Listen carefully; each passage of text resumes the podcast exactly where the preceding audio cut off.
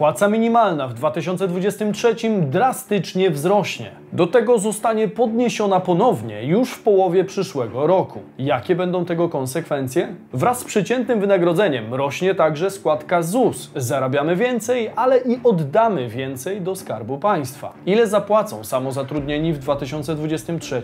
Ukraina odbija z rąk Putina prawie cały obwód charkowski. Co to oznacza dla polskiej gospodarki i naszych portfeli? Z kolei Łokik ma uzyskać znacznie szersze uprawnienia, które mogą uczynić prezesa urzędu nowym szeryfem na polskim rynku. Czy to powstrzyma firmy przed oszukiwaniem konsumentów? Dokąd zmierzał pieniądz w tym tygodniu? Sprawdźmy to. Bizweek. Cotygodniowy przegląd świata biznesu i finansów. Cześć, tutaj Damian Olszewski i witam Was serdecznie w programie Praktycznie o Pieniądzach i informacyjnej serii Bizweek, gdzie co tydzień otrzymujecie solidną dawkę najważniejszych wydarzeń ze świata biznesu i finansów. Warto subskrybować kanał, aby wiedzieć, co dzieje się w naszych portfelach. A w tym tygodniu działo się na tyle dużo, że możecie spodziewać się dopełniającego odcinka w środę, czyli tak zwanego Bizweek Extra. Czas to pieniądz, więc Zaczynajmy. Wzrost płacy minimalnej.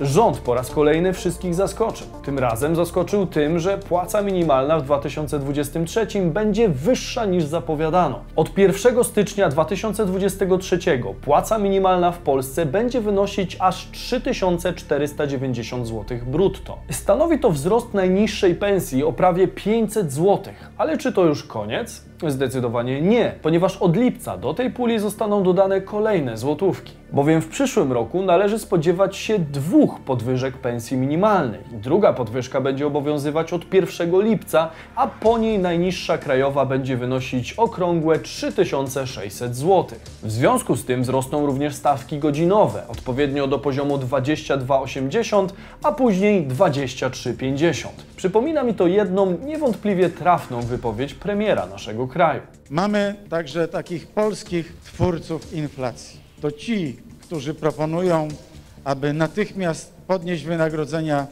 na przykład o 20%.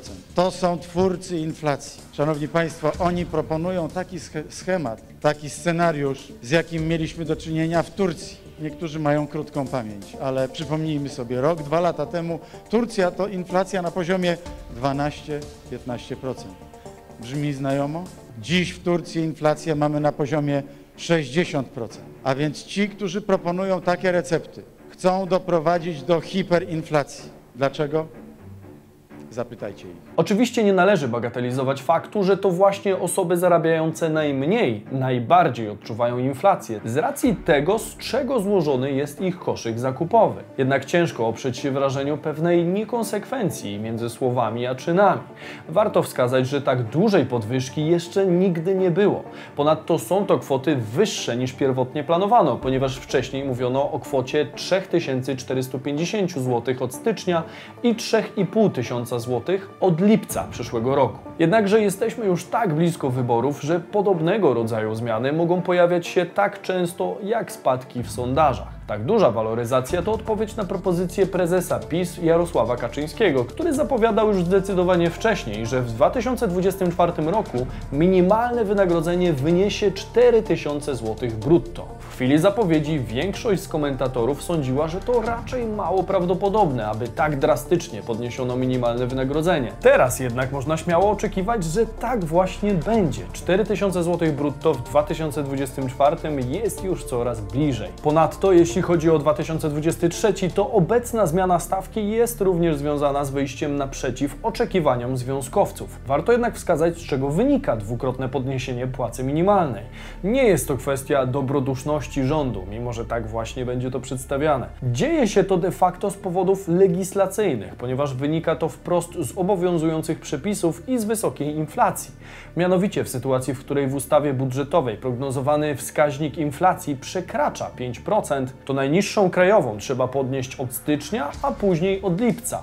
Premier Mateusz Morawiecki mówił o płacy minimalnej jako drogowskazie dla pracodawców i instytucji publicznych. Szef rządu podkreślał, że bardzo ważne jest zasypanie nierówności społecznych. Najlepsze kraje do życia to te, gdzie nierówności płacowe są relatywnie mniejsze. Popatrzmy na kraje skandynawskie. Różnice wpływają na jakość życia wielu grup społecznych, wyjaśniał premier Morawiecki. Uwielbiam takie obdarte z kontekstu porównania do Skandynawii. Oczywiście trzeba by było wiele innych aspektów też wziąć do kupy, żeby rzeczywiście prawidłowo porównać sobie warunki polskiego rynku, jak i rynku skandynawskiego. Ponadto w ocenie premiera rząd był krytykowany za skokowe podnoszenie płacy minimalnej. Pytanie brzmi, czy tak skokowy wzrost płacy minimalnej spowoduje negatywne zjawiska w gospodarce? To akurat wysoce prawdopodobne, bo jednym z kosztów wytworzenia towarów, które widzimy na półkach, są właśnie pensje pracowników. Jak to słusznie zresztą zauważył premier w przytaczanej wcześniej wypowiedzi. Siłą rzeczy ten ruch ponownie zwiększy popyt w gospodarce, a także ilość pieniądza w obiegu. Zwiększą się koszty przedsiębiorców, które w połączeniu z nowymi cenami energii mogą sprawić, że inflacja napędzi się jeszcze bardziej. Pytanie, jak oceniacie tak skokowe podwyżki minimalnej krajowej? To dobry czy kiepski kierunek w obecnej sytuacji gospodarczej? Dajcie znać w komentarzu. Duży sukces Ukrainy w walce z Rosją. Czas na odrobinę geopolityki, która, jak wiecie, ma ogromne oddziaływanie na świat finansów w skali makro. Najważniejszą dla nas wieścią z wschodniej granicy w ciągu ostatnich tygodni jest udana kontrofensywa Ukraińców. Siły ukraińskie wciąż odbijają kolejne okupowane przez Rosjan miejscowości na południu i wschodzie kraju. Lokalne władze informują, że rosyjscy żołnierze w pośpiechu opuszczają swoje pozycje, a ich odwrót jest niezorganizowany. Oczywiście wojna na Ukrainie nauczyła nas również, aby dzielić wszystkie informacje przez dwa, zarówno te, które płyną z jednej, jak i z drugiej strony. Natomiast jeżeli rzeczywiście Ukraińcom udało się skutecznie odgryźć Putinowi, to jest to dla nas bardzo dobra nowina. Kontrofensywa faktycznie rozpoczęła się 6 września, a 11 września Ministerstwo Obrony Federacji Rosyjskiej przyznało, że utraciło kontrolę nad prawie całym zajętym obszarem regionu charkowskiego. Konkretne dane wskazano na wtorkowej ukraińskiej odprawie. Poinformowano wówczas, że 6 września wskutek operacji ofensywnej w obwodzie charkowskim siły zbrojne Ukrainy wyzwoliły 3,8 tysiąca km2, czyli ponad 300 osiedli, gdzie przebywało 150 tysięcy osób. Wiceminister obrony Ukrainy Anna Maliar doprecyzowała w późniejszym komunikacie, że rzeczywista liczba wyzwolonych terytoriów w obwodzie charkowskim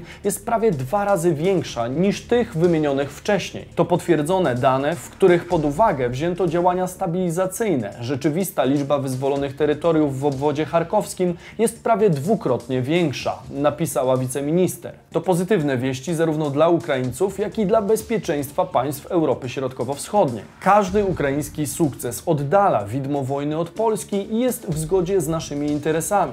Postrzeganie wojny za naszą granicą i kierunku, w jakim idzie konflikt, jest także niezwykle istotne dla naszej gospodarki. Jesteśmy w stanie to zaobserwować gołym okiem. Z punktu widzenia ekonomicznego, Polska może być coraz rzadziej postrzegana jako kraj frontowy, co będzie wiązało się z powrotem inwestycji i inwestorów do naszego kraju. Mówimy zatem zarówno o potencjale odbicia giełdy, jak i polskiego złotego w stosunku do walut obcych. Gdyby jednak polski złoty miał dalej szorować po dnie, to warto pozyskać umiejętności, które otworzą przed nami możliwości zwiększenia zarobków lub zarabiania właśnie w obcej walucie. W dobie internetu i postępującej globalizacji rynku pracy to już wcale nie jest takie trudne, ale niezbędna będzie do tego oczywiście dobra znajomość języka obcego. Nowych języków możecie nauczyć się z poziomu swojego telefonu, używając aplikacji Speakly, stworzonej przez dwóch poliglotów władających siedmioma językami. Jak się uczyć, to od praktyków. Stworzyli oni wspólnie unikalną metodę nauki języka, która bazuje naukę słów na realnej potrzebie ich użycia w codziennych sytuacjach. Dzięki temu nie uczycie się rzeczy niepotrzebnych, a tylko te, które rzeczywiście przydadzą się w późniejszej konwersacji. Łatwiej przez to będzie Wam pokonać barierę językową, czyli lęk przed mówieniem w obcym języku.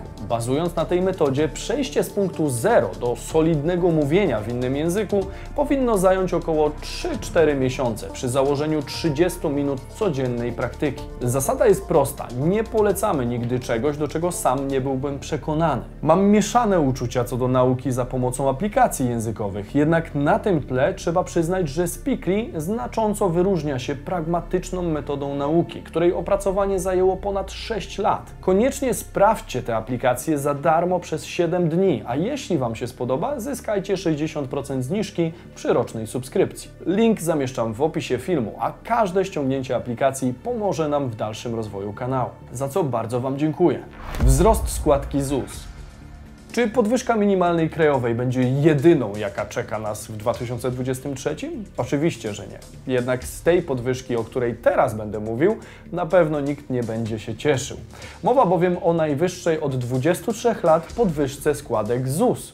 Do ogromu rosnących kosztów dojdzie nam zatem jeszcze to. Z czego wynika ta podwyżka? Jest ona skonstruowana na podstawie projektu ustawy budżetowej na 2023 rok. Według projektu prognozowane przeciętne wynagrodzenie w Polsce wyniesie już 6935 zł brutto. I tak jak część z nas może się cieszyć z coraz wyższych nominalnie zarobków, tak coraz wyższe przeciętne wynagrodzenie z drugiej strony jest mocno powiązane z różnego rodzaju daninami publicznymi. Zatem samozatrudnieni widzą to tak: im wyższe przeciętne zarobki, tym wyższa suma składek ZUS.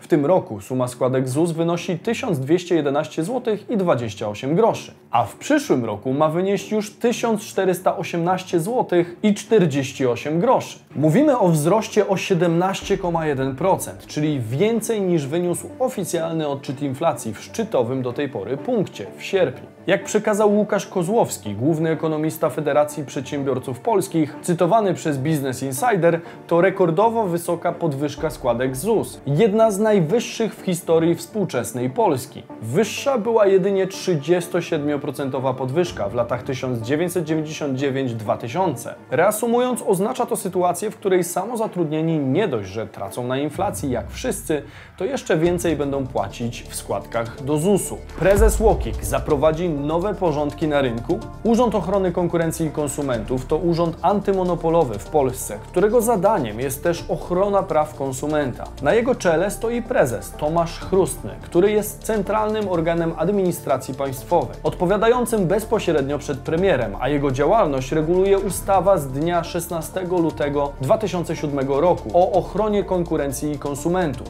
W poniedziałek dziennik Gazeta Prawna pisał właśnie o prezesie Łokiku, a przede wszystkim o planowanym rozszerzeniu jego uprawnień. Mianowicie urząd ma zyskać możliwość przeszukania pomieszczeń i dokumentów, śledzenie przepływów finansowych, ingerencję w treść oraz blokowanie stron internetowych, a także możliwość nakładania nowych, surowych kar. Nowe kompetencje zawarto w projektowanej nowelizacji ustawy o ochronie konkurencji i konsumentów oraz niektórych innych ustaw, której celem jest wdrożenie unijnego rozporządzenia CPC. To kolejna obok implementacji dyrektywy Omnibus niezwykle istotna nowelizacja przepisów konsumenckich. Czytamy w gazecie. Pierwszy projekt implementujący CPC ukazał się już dwa lata temu. Jego nowa wersja jest jednak dwukrotnie dłuższa i zawiera bardzo istotne dla przedsiębiorców szczegóły, zaznacza dziennik. Ponadto bardzo ważną zmianą ma być rozszerzenie instytucji przeszukania na sprawy związane ze stosowaniem niedozwolonych postanowień, wzorców umów oraz praktyk naruszających zbiorowe interesy konsumentów. Uwzględniono również możliwość zobowiązania przedsiębiorcy do wprowadzenia zmian na jego stronie internetowej, co jest zdecydowaną nowością. Zakładam, że urząd będzie w stanie niebawem wystąpić do przedsiębiorcy z prośbą o zmianę konkretnych zapisów na stronie internetowej, które mogłyby potencjalnie wprowadzać konsumenta w błąd. A co w przypadku, gdy przedsiębiorca nie wykona żądań prezesa Łokik? Prezes będzie miał wtedy możliwość nałożenia kary na przedsiębiorcę w wysokości nie jak do tej pory do 10% obrotu przedsiębiorstwa, tylko do 50 milionów euro. To byłaby znaczna zmiana, rozszerzająca możliwości organu. Urząd w takim wypadku stałby się zdecydowanie większym straszakiem dla oszustów i biznesów oferujących promocje czy towary nie do końca zgodne z regulaminem czy też etykietą. Warto bowiem zauważyć, że kiedy urząd jest ograniczony do kary rzędu 10% obrotu, to przedsiębiorstwa, które powstają całkowicie w celu dokonania oszustwa, pozostają niemal bezkarne. Dlaczego? Zastanówmy się, jeżeli 100% przychodu spółki, która zarabia oszukując seniorów na magicznych garnkach, to pieniądze z oszustwa, to w jaki sposób oddanie z tego 10% miałoby na dobre powstrzymać ten proceder? Oszust może to zwyczajnie w cudzysłowie wrzucić w koszty prowadzenia takiej firmy, a jednocześnie w skrajnej sytuacji zamykać spółkę dotkniętą karą i otwierać zaraz nową. Zatem moim zdaniem te kary powinny również personalnie dotykać danego człowieka, a nie tylko być nakładane na spółkę czy daną firmę, która w każdej chwili może się